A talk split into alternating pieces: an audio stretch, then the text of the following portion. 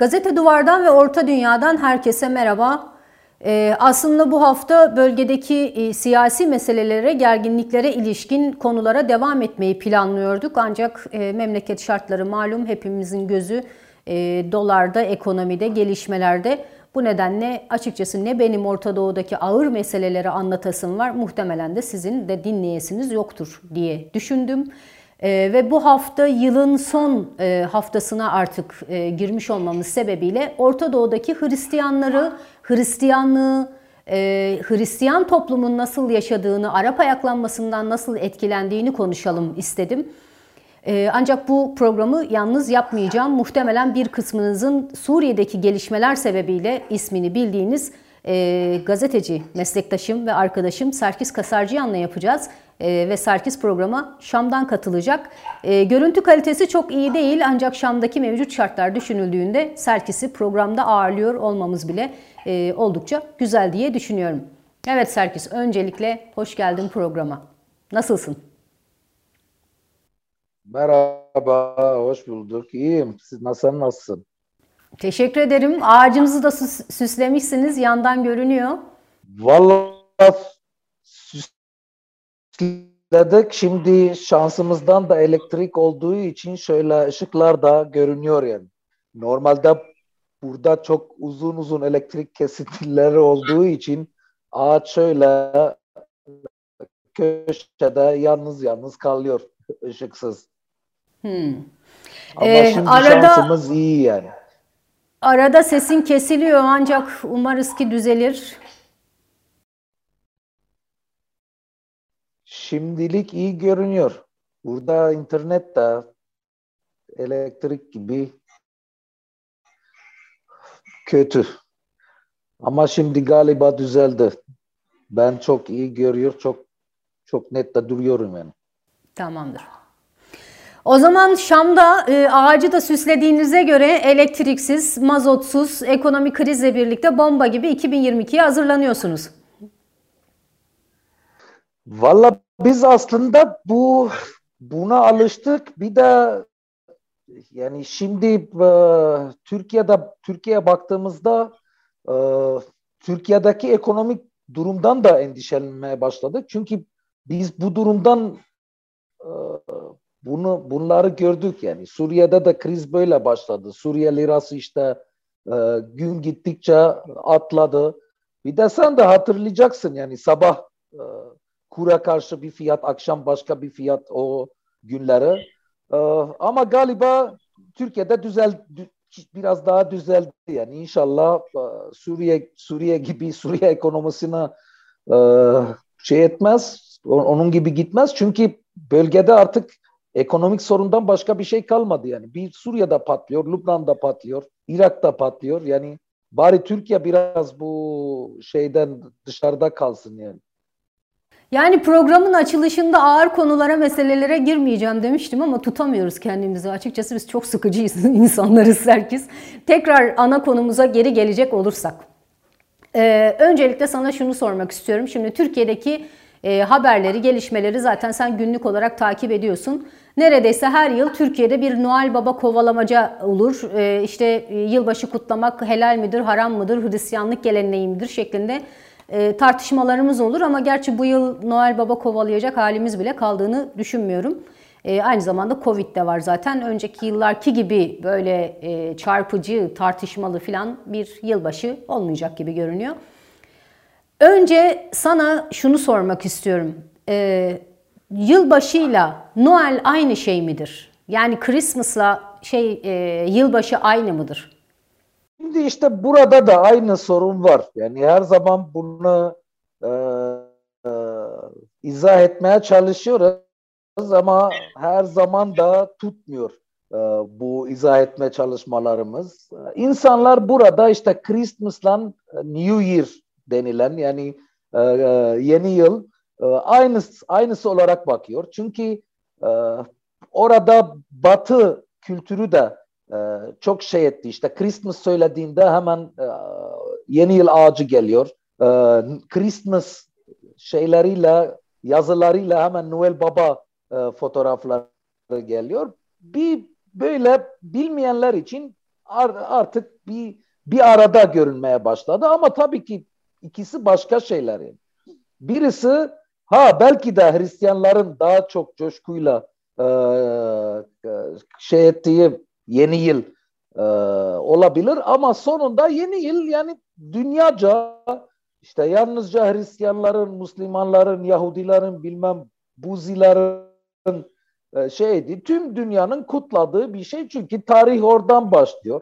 Bence bu kadar da kutlamayı şey için yapmışlar. İşte e, bir yıl daha ömrümüzden geçtiğini unutalım da biraz şöyle e, belki bir şarap içerek bir dans yaparak bir şey ya onu büyü, büyüdüğümüzü unutalım. Bence böyle. Onun için çok coşkulu, coşkulu şey ederler. Ama sizdeki problem bizde de var. Şimdi bizde o kadar kovalamaca ol, olmamış yani. Bundan önce takip ettiğime göre e, öyle sert tepkiler ben Türkiye'yi takip ediyorum. Çok bazı süpermarketlerde, mollarda falan çok sert tepkiler var. Burada tepkiler daha çok sosyal medyada görünüyor Edi aslında. İnsanlar şey yapıyor işte e, biri birisine mesela bir tweet e, cevabı veriyor. İşte mutlu musun e, Hristiyanların ağacın şeyinde önünde fotoğraf çekmişsin falan. İşte böyle bu küfürlüktür. Tabii orada ne kadar yani yobazcılığa göre şey artıyor artık. tepki de artıyor. Ama burada daha çok, daha genel olan e, tepkisiz insanlar ve o ağaçla, o ışıklarla e, coşkuya e, kapılan insanlar. Burada bir espri var her sene şey ediyorlar. Şimdi normalde o büyük e, işte ağaçlar falan bazı yerlerde Şam'da e, dikiliyor. E, işte Baptuma'da bildiğin gibi e, Four Seasons Otel'in yanında falan. Şimdi orada toplanan e, fotoğraf çekenlerin e, büyük çoğunluğu Şam'ın büyük ço- çoğunluğu Müslüman olduğu için onlar da Müslümanlar. Şimdi orada işte bazı espriler de yazılıyor sosyal medyada. En ünlü espri bu her her yıl şey eder e, tekrarlanır. İşte Muhammed biraz yer ver de bir George da fotoğraf çeksin orada. Öyle bir espri yaparlar yani. O kadar ki Müslümanlar fotoğraf çektirmeyi e, severler. Ama tepkiler tabii ki var. E, bunu Hristiyan e, ya da kafirlik şeyi olarak görenler de var. Ama o kadar da sert tepkiler ben görmedim. Sen Hristiyansın değil mi Serkis? Evet. E, mezhebin ne? Ben Doğu Kilisesi'ne e, Ermeni Ermeni ol, as, Ermeni asıllı olduğum için Ermenilerin yüzde yetmişten fazlası Doğu Kilisesi'ne e, Doğu Kilisesi'ne takip ediyor ya da Doğu Kilisesi evlatları diye görünüyor. E şimdi benim e, takip ettiğim kilise Doğu e, Kilisesi. Ee, şimdi burada aslında kısa bir bilgi de vermek gerekiyor. Ee, birincisi şöyle genel bir e, yanlış anlama var. Aslında bu sadece Türkiye'de değil dünya genelinde zannedersen böyle bir yanlış algı var. Orta Doğu dendiği zaman bütün nüfusun silme, tamamının Müslüman olduğu hatta Sünni Müslüman olduğuna dair genel bir kanı oluşmuş. Yani Türkiye'de de aynı şekilde. Halbuki Hristiyanlık Hristiyanlığın da doğduğu topraklar sonuçta Orta Doğu, Kudüs, Hazreti İsa'nın doğumu vesaire çarmıha gerildiği yer aynı zamanda.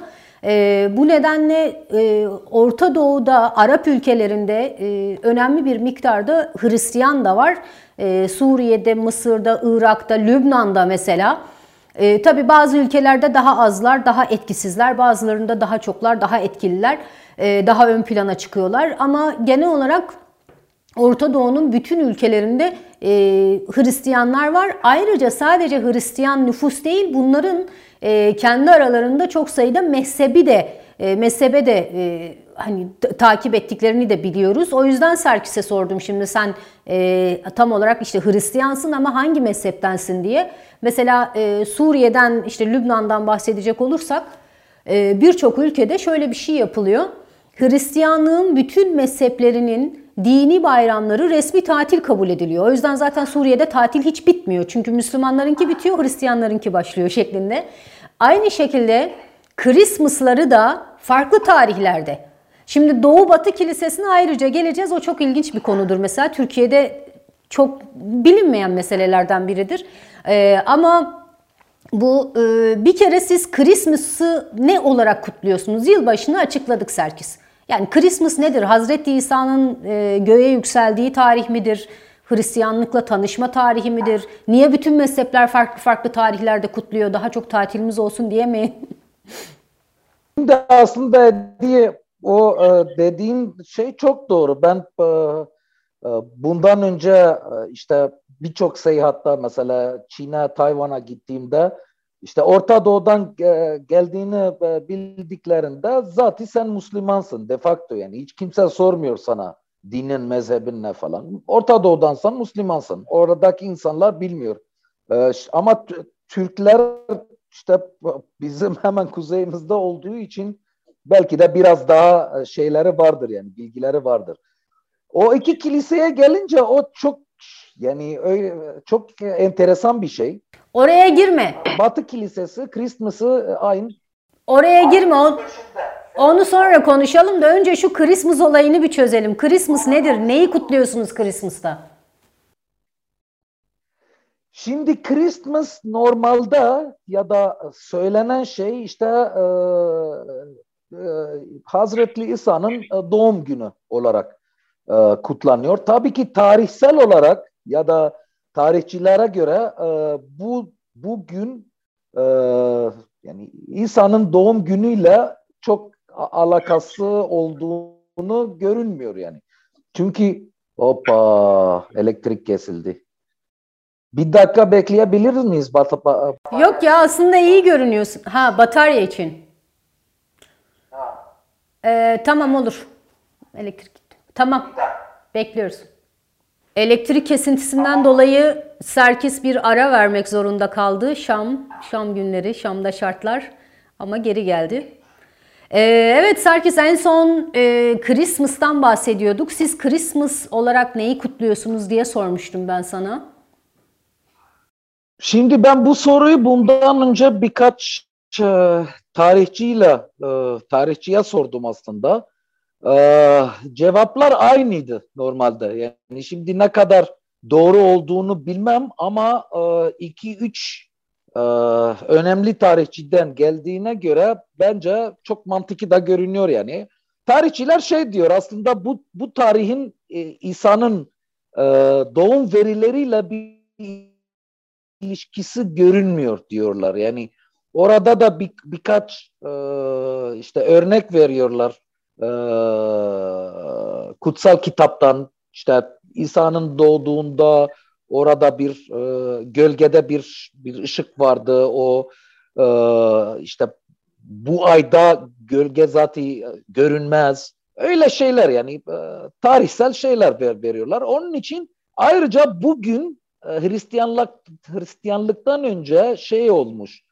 Güneş bayramı olmuş. Güneşin bir güneşin bir bayramı varmış bu bölgede aslında.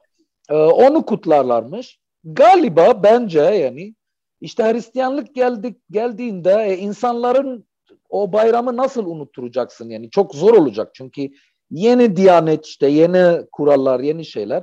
E, o zaman işte kilise adamları şeyi İsa'nın doğum günü getirip o güneş e, bayramına e, aynı güne denk olarak işte güneşe e, güneşi kutlamaya İsa'nın doğum gününü kutlayan öyle bir şey olmuş ya da tarihçilere göre öyle. E şimdi ayın 25'inde insanlar kutluyor. İşte Christmas, Christmas sonra Christmas'ı çok Christmas şeyi çok uzun gördüler kelimeyi. Xmas da oldu. Öyle de gidiyor işte. Xmas ayın 25'inde. Ama bu bildiğin gibi Batı Kilisesi'nin Christmas'ı. Bizde e, İsa birkaç kere doğuyor aslında diye. Yani Batılar için bir gün doğuyor. Sonra ben bazen benim arkadaşlarım espri bile yapıyor. Diyor ki senin İsa mesela doğdu mu Sarkis? Kutlayalım mı senin bayramını? Diyorum ki yok benim ki daha bir hafta on gün ister yani. Öyle espri de gider yani bazen. Serkis inşallah senin patriğin Türkçe bilmiyordur. Seni kiliseden de atacaklar Hristiyanlıktan da. Bu nasıl bir yorumdur ya? Yani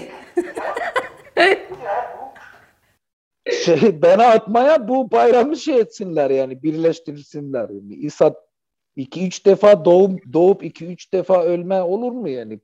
Şey, yalnızca bel yani bence yalnızca e, do, Orta Doğu Hristiyanların iki üç bayramı var. Yani dünyada böyle bir şey yok. Şimdi Müslümanlar normalde bir gün gecikmeyle işte Ramazan orucu tutuyorlar. Bayram bir gün gecikiyor, iki gün gecikiyor.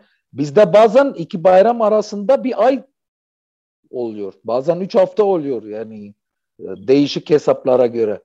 Ya evet açıkçası o bayramları mesela e, az önce söylediğim gibi resmi tatil kabul ediliyor Hristiyanların. Farklı mezheplerinin dini günleri de e, ben hala şeyi çözebilmiş değilim. Yani işte Katoliklerin ayrı, Protestanların ayrı, Doğu Kilisesi ayrı, Batı Kilisesi ayrı, yoğurtusu ayrı, ondan sonra Christmas ayrı vesaire. Oldukça karmaşık bir şey. Ama e, şeye geri dönecek olursak Serkis, e, mesela bu e, Doğu ve Batı Kilisesi meselesine gelecek olursak bence çok önemli bir konu. Hatta e, siyasete girmeden mümkün olduğunca anlatmaya çalışalım ama e, Rusya'nın Suriye başta olmak üzere Orta Doğu'daki nüfuzunun e, çok sağlam araçlarından biri Doğu Kilisesi meselesi. Bir, bize bir kısaca bir anlatır mısın? Doğu Kilisesi nedir, Batı Kilisesi nedir? Yani Ermeniler niye Doğu Kilisesi'ne dahil oldu da diğerleri Batı Kilisesi'ne? Antakya Kilisesi'ne bağlı olanlar var. Ondan sonra Maruniler var Lübnan'da. Hepten karışıyor tabii de oraya girmeden genel olarak nedir Doğu Kilisesi, Batı Kilisesi? Valla şimdi siyasetsiz bunu izah etmeye çalışacağım ama çok zor çünkü konu aslında siyasi konu. Yani iki kilisenin olması siyasi ama şöyle e, şey edelim. E, aslında Hristiyanlık doğudan başladığı için yalnızca Doğu Kilisesi olmuş. Ee, şimdi Ermenilerin büyük çoğunluğu Doğu Kilisesi'nin evlatları diyelim. Çünkü Ermenilerin şöyle bir yanı var. Ermeniler e, dünyada Hristiyanlığı kabul eden ilk halktır. Resmi devlet dini olarak kabul etmişler. 301 tarihinde. Ee, Roma Ermenilerden yaklaşık 50 sene sonra Hristiyanlığı devlet dini olarak kabul etmiş. 351'de. Onun için işte Ermeniler her zaman Doğu Kilisesi'ne daha şey kalmışlar. Şimdi Roma e, Hristiyanlığı kabul ettikten sonra işte Roma artık Roma yani büyük imparatorluk. E, bizden başka o öbür halklar aynısı mı olacağız? Bir kilise yapmışlar. Orada ideolojik olarak farklılar var. Ee, Ortodoks denen işte Doğu Kilisesi ve Katolikler arasında. Ama aslında büyük farklar değil. Katoliklerle Protestantlar arasındaki farklar çok büyük. Protestantlık da yani bundan 200 yıl önce Amerika'da ve İngiltere'de doğan Amerika'da Martin Luther King işte e, siyahlara karşı o e, şey şiddetten dolayı, e, hukuksuzluktan dolayı şey eden bir e, mezhep, Hristiyan mezhebi ve büyüyor. Gün geçtikçe büyüyor tabii ki. Ama Ortodokslukla Katolik kiliseleri arasında ideolojik olarak farklar çok az. Yani görünmeyen gör, görün, görünmeyen kadar az. Öyle bir şey. Ama büyük bir şey var, bir fark var. Batı Kilisesi Papa'ya e, bağlı. Papa'yı takip ediyor. Batı Kilisesi'nin başında Papa var. Şimdi onun için bu kilise daha güçlü. Ee, bir dün, tüm dünyada e, olduğu için, dağıl, dağılmış olduğu için. İkincisi başında birisi olduğu için ve tüm yani sen böyle bir düşün dünyadaki Müslümanların büyük çoğunluğu bir kişiyi takip ediyor mesela. E bu çok büyük bir kuvvet getiriyor o kiliseye. Doğu kiliseleri her halkın kendi papası var. Yani Ermenilerin papası var, Rumların papası var, Suryanilerin papası var. Bu papa e, mesela dünyada tüm Rum kiliselerin başı. E ama yalnızca Rumların işte Roma papası gibi değil. Tüm halkların papası değil. Oradaki bu farklılıklar bundan önce birkaç toplantı yaptılar, görüşme yaptılar. Şöyle bir anlaşmaya vardılar. İşte gelin bu bayramları birleştirelim. Çünkü bu bayramlardan yani Christmas'dan başlayarak o farklar tüm yıl sonuna kadar devam ediyor. Çünkü kilise şeyinde yalnızca doğum günü değil bayramı. Doğduktan sonra başka bir bayram var. Ondan sonra başka bir bayram var. Şimdi doğum günde farklılık başladığında tüm bayramlar farklı oluyor iki kilise arasında. Tabii ki tatil olarak e, normalde genel şey yalnızca e, doğ, doğuş birinci bayram, ikinci bayram dediğimiz e, doğma ve ölme şeyleri. Onun için bunlar daha çok bilinir. Ama birçok bayram var kilisede. Bu toplantılarda aslında e, Orta Doğu, Orta Doğu'da bunları birleştirme toplantıları yaptılar. E, bir de anons da çıktı toplantıdan. İşte artık birleştiriyoruz. İnsanlar da coştu, e, Müslümanlar da şey etti, e, çok sevinmedi çünkü tatiller azalacak. Ama sonunda olmadı. Her şeyin olmadığı gibi yani. Ee, şey etmediler. Ee, yani bir görüşe var varmadılar. Doğucular dediler ki bizim doğum günümüz daha e, doğrudur. Siz gelmelisiniz. Onlar dediler yo tüm dünya 25'te kutluyor. Biz nasıl ayın 6'da altına gideceğiz? Çünkü Doğu Kilisesi Ermeniler 6'da, Mısırlar 7'de, Ruslar 8'de kutluyor. Yani orada da 3 gün var. Ama aralıkta 24 saat olduğu için çok konuşulmaz. Normalde 25 ile 6 arasında o büyük fark olduğu için konuşulur. Ama orada da 3 3 tarih var. Mısırlı e, Kıptiler ki Mısır Ortodoksları e, onlar bir gün sonra şey ediyor. Yunanlılar mesela e, Ermenilerle kutluyor. E, Yunanistanlılar, Kıbrıslılar, Yugoslavya Ruslarla kutluyor. Ukraynalılar e, Ruslarla kutluyordu. Şimdi bu şeyden dolayı bir gün önceye aldılar. Yani siyasetçi siyasetsiz konuşulmaz ki bu. Konuda. Doğru. Şimdi Ukraynalılar Ruslarla barıştığında yine Ruslarla kutlar ya şeyi. Ha işte böyle bir şey diye yani çok e, biliyorum çok kafa yorucu bir şey yani ama ne yapacağız işte. Peki Serkis Doğu Kilisesi'nin e, şeyi merkezi Rusya'dır diyebilir miyiz? E tabii ki Rusya çünkü Rusya en güçlüsü, en güçlü ülke. Orada da siyaseten şey ediyor. Yani Yunanistan en güçlü ülke olsaydı belki de Yunanistan olurdu. Çünkü Yunanlılar da kendilerine Doğu Kilisesi'nin şeylerden yani Bizans o imparatorluğu günlerinde Doğu Kilisesi'nin e, en etkili e, devletlerden birisi olarak görürler. Ama e, Rusya son 10-15 yılda çok daha işte artık Orta Doğu'daki Hristiyanlığın ve Doğu Kilisesi'nin hamisi olarak e, bu da aslında yeni bir siyaset de değil. Yani Türkiye tarihi bilen bilir ki Rusya her zaman bu rolü oynamaya çalışmış. Daha çok şöyle e, o kendi imparatorluğu ya da kendi etkisin alanı daha çok büyütmek için. Şimdi ise aynı şeyi yapıyor. Ee, Suriye'de, e, Lübnan'da işte e, Hristiyanlığın hamisi olarak e, ön plana çıkmaya çalışıyor. E bu da tabii ki insanlarda e, şey yaratıyor. Yani Hristiyanlara, Doğu Hristiyanlılar e, yanında öyle biraz daha özgüven kazandırıyor onlara. Çünkü yani Rusya gibi bir devlet ben senin hamimim dediğinde başka bir görüntü alıyor bu himaye. Çünkü normalde e, Arap Baharı başladıktan beri hediye e, Doğu Hristiyanları çok büyük korku yaşıyor. E, bu hareketlerin büyük yüzdesi ya da büyük seviyede İslamcı e, ideolojiden geldiği sebebiyle Hristiyanlar çok daha şey ya zaten Suriye'deki Hristiyanların e, biraz korku hissetmesi de normal çünkü Suriye'de muhalifler dediğinde kaideden başlıyor muhalefet. Yani orada kaide de var işte radikal gruplar da var falan. Ama yalnızca Suriye'de değil Mısır'da da işte e, Arap Baharı geldiğinde çok Hristiyanlar çok büyük sorunlar yaşadı.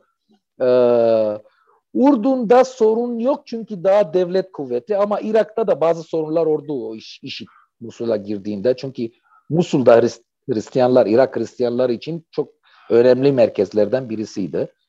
E şimdi on bunların işte Rusya gibi bir e, devlet gelip işte ben bu Hristiyanların hamisiyim dediğinde ben bu sözlem e, daha çok kitle buluyor aslında e, doğuda. Ayrıca Lübnan'da da bundan işte e, Michelon şimdi Cumhurbaşkanı, Lübnan Cumhurbaşkanı ilk Lübnan'a geldiğinde ben hatırlıyorum kendi siyasi kariyerini e, daha e, ileriye e, götürmek için aynı siyaseti e, şey etti. Orada takip etti. Orada da işte Michelon da ben hatırlarım daha çok işte Doğu Kilisesi'nden söz etmeye başladı. Aslında Michelon bildiğin sen iyi biliyorsun mu? Maruni, Batı Kilisesi takipçisi ama ben işte yalnızca Batı Kilisesi'nin evladı değilim. Ben tüm bölgedeki Hristiyanların e, Hristiyanlarla ilgileniyorum, e, dikkate alıyorum falan diyerek siyasi bir kariyer çizmeye e, başladı kendisine. O siyasi kariyer de bence şey oldu yani ona Cumhurbaşkanlığa kadar e, yetiştirdi. Ee, aynı zamanda Serkis bildiğim kadarıyla e, özellikle Suriye'deki, Lübnan'daki ve Mısır'daki e, Hristiyanlar tarih boyunca bu ülkelerin e, dönüşmesi konusunda e, çok ciddi rol de oynamışlar. Mesela Lübnan'da özellikle e, yabancı dil biliyor olmaları, ticaret ehli olmaları, diğer ülkelerle din üzerinden bir ortak bağlarının olması sebebiyle çevrelerinin geniş olmaları gibi sebeplerle mesela önemli bir kısım Hristiyan Avrupa ülkelerinde ya da dünyanın farklı ülkelerinde eğitim görüyorlar. İşte e, aralarından yazarlar, e, oyuncular, şairler, düşünürler, hatta siyasetçiler çıkıyor. Ve bu insanlar e, kendi ülkelerine de bu fikirleri taşıyorlar. Mesela bir milliyetçilik olsun, kadın hakları olsun, işte devletin kurumsallaşması olsun, yenilik hareketleri olsun, hatta moda, sinema, müzik her konuda neredeyse yeni yeniliklerin öncüsü oluyorlar kendi ülkelerinde. Bunun en bariz örneklerinden biri Lübnan örneğidir. Mesela Lübnan'da bütün Orta Doğu'yu dönüştüre, dönüştüre, dönüştüren süreçleri başlatan Hristiyanlar vardır. Ee, hani tarihte böyle bir özelliği var ve şu anda da mesela Suriye gibi, Lübnan gibi, Mısır gibi öne çıkan ülkelerde e, hani kültürün ayrılmaz bir parçası durumunda Hristiyanlarda. Sadece orada işte kiliseleri var, kendi bayramlarını kutluyorlar. Farklı bir renk, farklı bir kültürel öğe şeklinde bakılmıyor.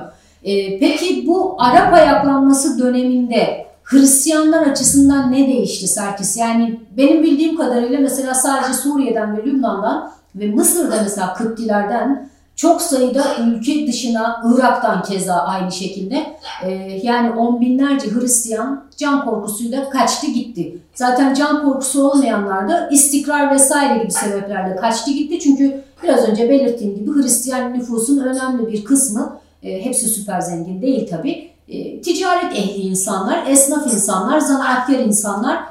Bu durum Arap ayaklanması döneminde Hristiyanlar nasıl etkilendi, şu anda nüfusları nasıl, e, ne bileyim göçler sebebiyle e, hani kültürle ilgili Hristiyan kültürüne ilişkin aşınmalar var mı? Şimdi önce e, birinci e, fikirden başlayayım. E, o işte Hristiyanların etkisi e, etkisinden bahsettin ne diye. Aslında çok önemli bir şey var e, Orta Doğu için. Orta Doğu'da milliyetçi partilerin e, ideolojisini e, taşan ve o partileri kuranlar aslında Hristiyanlar. Bir, Orta Doğu'da bildiğin gibi üç e, büyük parti var. Baz Partisi, işte e, Suriye Milliyetçi Partisi, bir de İhvanül Müslümin, Müslüman kardeşler. Şimdi Müslüman kardeşler tabii ki normalde Hristiyan olmayacak kurucusu ama öbür iki büyük partilerin kurucuları ikisi de Hristiyan. Birisi Michel Aflak, e, öbürü de Anton Saadi. Şimdi e, Hristiyanlar normalde Arap milliyetçiliğine çok siyasi olarak tutulmuşlar. Bence bu bir refleks. Yani e, siyasi İslam karşısında nasıl kendimizi koruyacağız? Çünkü her zaman siyasi İslam'ı bir tehlike, bir risk olarak e, görmüşler. İşte milliyetçiliği e, biraz daha e, ön plana çıkaralım. İnsanları e, milliyetçiliğe e, taşıyalım. Öylece milliyetçi partiler kurulmuş. Başka bir önemli şey de e, Arap edebiyatında o e, milliyetçi edebiyat e, daha çok işte e, vatana tutulmak, bayrağa tutulmak yani e, Türkçe e, versiyonunda işte vatan millet Sakarya dediğiniz onun Arapça versiyonu aslında Hristiyan yazarlar yapmış e, Orta Doğu'da. Suriye'de olsun, e, Lübnan'da olsun hatta e, Mısır'da aynı şey. Şimdi onun için siyasi hayatta e, Arap Hristiyanların çok katkısı var. Bir de mesela Suriye'de çok ünlü George Huri örneği var. Adam işte e, Diyanet e, emlakları, Diyanet İşleri Bakanı da olmuş bir Hristiyan olarak e, Suriye'de. E, Lübnan'da keza e, örnek var. Mısır'da örnekleri var. Ama bu tabii ki 50'lerden sonra yavaş yavaş e, geride kalmış. Çünkü bence bu ön e, benim kendi kişisel e, e, analizim orada milliyetçilik artık devlete dönüştüğü için normalde devlette çoğunluk e, siyasete el, elde tutuyor. Onun için Hristiyanlar bu milliyetçiliğin dışarı, dışında kalmışlar. Şimdi dışında kaldıklarında yeni bir eksen işte liberalizm olduğunda liberalizmin de e, ilk taşını koyanlar ya da e, Orta Doğu'da onun e, propagandasını yapanlar diyelim yine Hristiyanlar olmuşlar. Onun için Lübnan'da işte e, ağırlıkça e, Orta Doğu Hristiyanların yaşadığı ülke olduğu için Lübnan her zaman e, Orta Doğu'nun e, İsviçre'si olarak tanılmış. Yani o, o öyle e, şey eder işte medyada ya da birisi Lübnan e, Lübnan konuşacaksa işte Orta Doğu'nun İsviçre'si derdi. Şimdi tabii ki çok çok çok kötü durumda Lübnan. E, orada daha çok işte e, yazarlar, siyasiler, şarkıcılar, e, artistler, herkes e, Orta Doğu'nun baskısından kaçıp Lübnan'da yerleşmiş ve Lübnan'da yeni bir kültür yaratmışlar. Bazıları yine e, kendi ülkelerine dönüp o kültürü şey etmişler yani Suriye'de de öyle olmuş, Irak'ta da öyle olmuş. Ama kültür, Orta Doğu'nun kültür merkezi, sanat, edebiyat merkezi her zaman Lübnan olmuştur. Şimdi bu Arap Baharı başladığında tabii ki e, Suriye en çok, Suriye ve Irak en çok etkilenen e, iki ülke. E, mesela şimdi Suriye'de resmi e, rakamlar yok. Ayrıca Suriye hükümeti siyaseti de normalde öyle e, dinler üstünden çok e, siyasi sözlem geliştirmez ya da konuşmaz. E, or, or, orada durmayı sevmez. Ama mesela ben kendi ortamdan şey edeceksem ben bugün eğer bir düğün yapacaksam yani ikinci evlenmem söz konusu değil Hristiyanlıkta yok bir de şimdi hala duyarsa bilmem bana ne yapar ama mesela yani diyelim örnek olsun diye belki de 20 kişi bulmam düğünüme gelen Hristiyan olarak. Ee, çok büyük göç var Suriye'de. Çok çok büyük. Ee, Suriye'nin Hristiyan kenti, şehri aslında Halep'ti. E, Halep'te 2016'ya kadar e, bölünmüş bir şehirdi. Onun için Halep'ten göçenler çok oldu. Şam'dan çok göçme oldu. Mesela Şam'ın e, çok yakınında olan Malula şehre ki e, yalnızca e, Orta Doğu'da ve dünyada e, İsa'nın konuştuğu Aramice konuşan tek e, küçük kasaba diyelim, şehir de değil. E, tümüyle boşandı.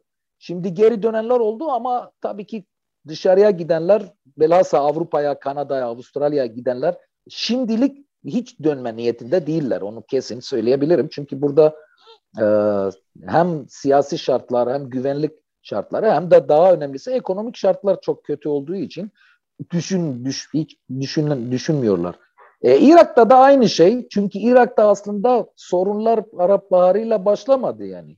Irak e, 90'dan beri savaştan çıkıp savaşa giriyor. İşte birinci Körfez Savaşı, ikinci Amerikan işgali, ondan sonra işte El-Kaide e, sorunu, patlamalar falan. Şimdi orada en çok yüzdeyle e, al, alçımızda en çok e, göç e, göçenler Hristiyanlar oldu, Irak Hristiyanları. E, Mısır'da Arap Baharı'nda Hristiyan göçü oldu ama aslında ön, önceden de göç vardı. Çünkü e, Mübarek e, hükümetinin şöyle bir şeyi vardı. Şimdi normalde azınlıkları işte kucaklama, e, hamisi olma şeyi imajını veriyordu ama aynı zamanda e, İslamcıları e, İslamcılara çok pres yapmamaya e, yapmamaya çalışıyordu. Çünkü İslamcılardan korkuyordu mübarek e, e, sistemi, rejimi. Onun için orada da çok baskılar vardı Hristiyanlar üstünde. Kıptiler mesela e, 80'lerden beri çok e, Amerika'ya göçen çok oldu. Kıptiler e, Mısır'ın Hristiyanları, Kupti e, adını veriyorlar onlara. E, eski Mısırlı e, anlamında geliyor. E, son olarak da Lübnan'da ama Lübnan'da bence siyasi sorun değil. Yani Lübnan'da Hristiyanlar işte baskıya uğruyoruz falan demezler. Öyle bir şey yok Lübnan'da ama Lübnan'da da ağır ekonomik e, sorun var. E şimdi yüzdelerce e, rakamlarla vermek zor çünkü Arap ülkelerinde o öyle işte şeffaf rakamlar yok. Yani e, birçok ülkede aslında vatandaşların Hristiyanlık, Müslümanlık şeyini de e, ön plana çıkartmayı sevmiyor. E, onun, onun, onu tartışmayı hiç sevmiyor ama bence yani e, Suriye'de mesela yüzde yetmişten fazla göç olduğunu zannederim Hristiyanlarda. Çok büyük göç oldu e, Suriye, Suriye Hristiyanlarda. Irak'ta daha da çok yüzde. E, Musul'da mesela hiç Hristiyan kalmadı diyorlar. 2-3 aile kaldı. Ki Musul Hristiyanların, Irak Hristiyanların merkez merkeziydi yani. E, Lübnan'da göç var ama o kadar değil. Mısır'da göç daha az çünkü o, o bunalım e, şeyi e, zamanı o kadar sürmedi yani. Biraz e, sonra e, Sisi geldi falan biraz e, işler daha da iyi gitti. Onun için en çok göç gören ülkeler bence Suriye ile Irak. Şimdi Serkis'in e, bahsettiği işte Lübnan, Mısır ve Suriye'deki Hristiyanlar meselesi aslında oldukça farklı. Her ülkenin e, siyasi şartlarına göre değişiyor. Mesela Lübnan'daki Hristiyanların e, mezhepçi anayasa sebebiyle e, temsiliyet hakları çok yüksek. Mesela Lübnan'da Cumhurbaşkanı'nın kesinlikle Hristiyan ve Hristiyan maruni olması gerekiyor. Yani Hristiyanlığın herhangi bir mezhebi de olmaz. Böyle bir e, anayasal düzen var. Tabi Lübnan'da yine mesela şerri hükümler olduğu için Suriye'de de var aynı şey. Evlenme, boşanma, işte çocukla ilgili haklar, ondan sonra e, vaftiz, buna benzer birçok e, hani aile hukukunu ilgilendiren konu e, dini makamlar tarafından çözülüyor. Yani Lübnan'da ve Suriye'de medeni kanuna göre evlilik yok. Dolayısıyla e, Hristiyansanız eğer hangi mezheptenseniz gidip o mezhebin kilisesine başvurmak zorundasınız ve ondan sonra haliyle kilise e, birçok sebepten dolayı hayatınıza doğrudan müdahale etmiş oluyor. Bu durum aynı zamanda e, Şiilere de Sünnilere de diğer mezheplere ve dinlere de kazandırdığı gibi e, kiliselere çok ciddi maddi güç ve siyasi güç kazandırıyor. E, mesela e, dedikodu mudur bilmiyorum Serkis sen söyle Lübnan'daki Maruni Kilisesi'nin neredeyse Beyrut'un yarısının sahibi olduğuna dair söylentiler vardı Lübnan şeyde ben Beyrut'ta yaşarken. Şimdi Edi aslında Lübnan Kilisesi kendi biznesini yapıyor. O Lübnanlar iyi bilirler e, bu konuyu. E, Birçok ticari e, alanda şirketleri de var, e, ortaklıkları da var. Suriye'de, Irak'ta, Mısır'da, Ürdün'de biraz e, durum farklı. Çünkü burada hükümetler, devletler daha şey olduğu için, etkili olduğu için e, kilise kendi işte alanında e, dini ya da e, işte e, sosyal e, alanda verdiği hizmetlerden dolayı kendine yetecek kadar parayı bulmaya çalışıyor. E, öyle e, bir sistemle e, gidiyor. Şimdi Christmas'ta ne değişti? Çok şey değişti dedi aslında. Mesela ben şimdi 2010'da olsaydım e, normalde ayın 25'inde sabahında Halep'te mesela bayram olduğunu gözlerdim. İşte birçok dükkan kapalı olurdu. Çünkü o dükkanların sahipleri Hristiyanlar ve bayram kutluyorlar. Sokaklarda insanlar daha görüntüleri başka olurdu. Yani giy, giymekten e, tutun işte ailece yürüyen ya da ailece e, bir restorana giden insanlar yani bayram olduğu e, daha çok belli olurdu. E, akşam e, çok birçok da parti olurdu. E, Arap dünyasında e, ünlü olan şarkıcılar e, gelir orada e, işte e, partiler e, ol, yaparlardı. Şimdi parti şeyi var da şimdiye kadar ama bir business olarak artık yani Müslümanlar daha çok gidiyor artık. E, ayın 25'inde mesela Suriye'de birçok e, şarkıcının e, şeyi var, partisi var. E, şeye diyor hissedilir. Çünkü Novel'de e, Suriye'de böyle bir e, gelenek var. E, insanlar yalnızca ev içi değil, ev dışında da işte ışıklar koyarlar, e, resimler, yani bir dekorasyon yaparlar. Noel dekorasyonu. Şimdi önceden mesela Halep'te, Şam'da e, o Hristiyanların çoğunluk olduğu mahallelerde yürüdüğünde o işte ışıkları, e, resimleri falan görürdü. Şimdi yine var Şam'da ama önce önceden e, kıyaslanarak çok azlar. E, ayrıca gelenekler de değişti. Aileler yani her aileden en azında bir kişi dışarıda artık. Ee, şimdi önceden işte aileler toplanıyordu. Ee, işte Christmas, e, öğlen yemeği, akşam yemeği, e, bayramlaşmalar. E, çünkü adetler Türkiye'ye çok benzer yani. Hristiyanlar ya da Müslümanlar olması şey etmiyor. Bayramlaşma da var, aile toplanması da var. Şimdi o da kalmadı. Çünkü e, Hrist Hristiyanlar, Müslümanlarda da aynısı ama Hristiyanlarda daha çok her aileden e, en az bir kişi, iki kişi artık dışarıda. Şimdi işte WhatsApp'la toplanıyorlar, e, webcam'la toplanıyorlar. O gelenek de yani artık geriye kaldı. Belki de bundan 5-10 sene sonra artık kalmaz. Birçok şey değişti. Yani her alanda bir değişiklik var. E, e, bayramlaşmada da var. E, işte süsmede, ışıklamada da her şeyde var değişiklik hediye aslında. Anladım.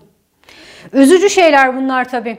Çok teşekkür ederim Serkis. Ee, umarım bu yıl ailenle e, yıllar sonra hani e, mutlu bir Christmas geçirirsin, mutlu bir Noel geçirirsin e, ve umarım e, hani önümüzdeki aylarda ağır siyasi gündeme dair konularla da e, konularla ilgili de konuşmaya devam ederiz seninle. Çok teşekkür ederim. Herkese selamlar. Teşekkür ederim. Şam'a da selamlar. Bu yıl orada olmayacağım ama. Selam. Gazete Duvar'dan bu hafta bu kadar. Önümüzdeki hafta başka bir konuyla tekrar görüşmek üzere. Hoşçakalın.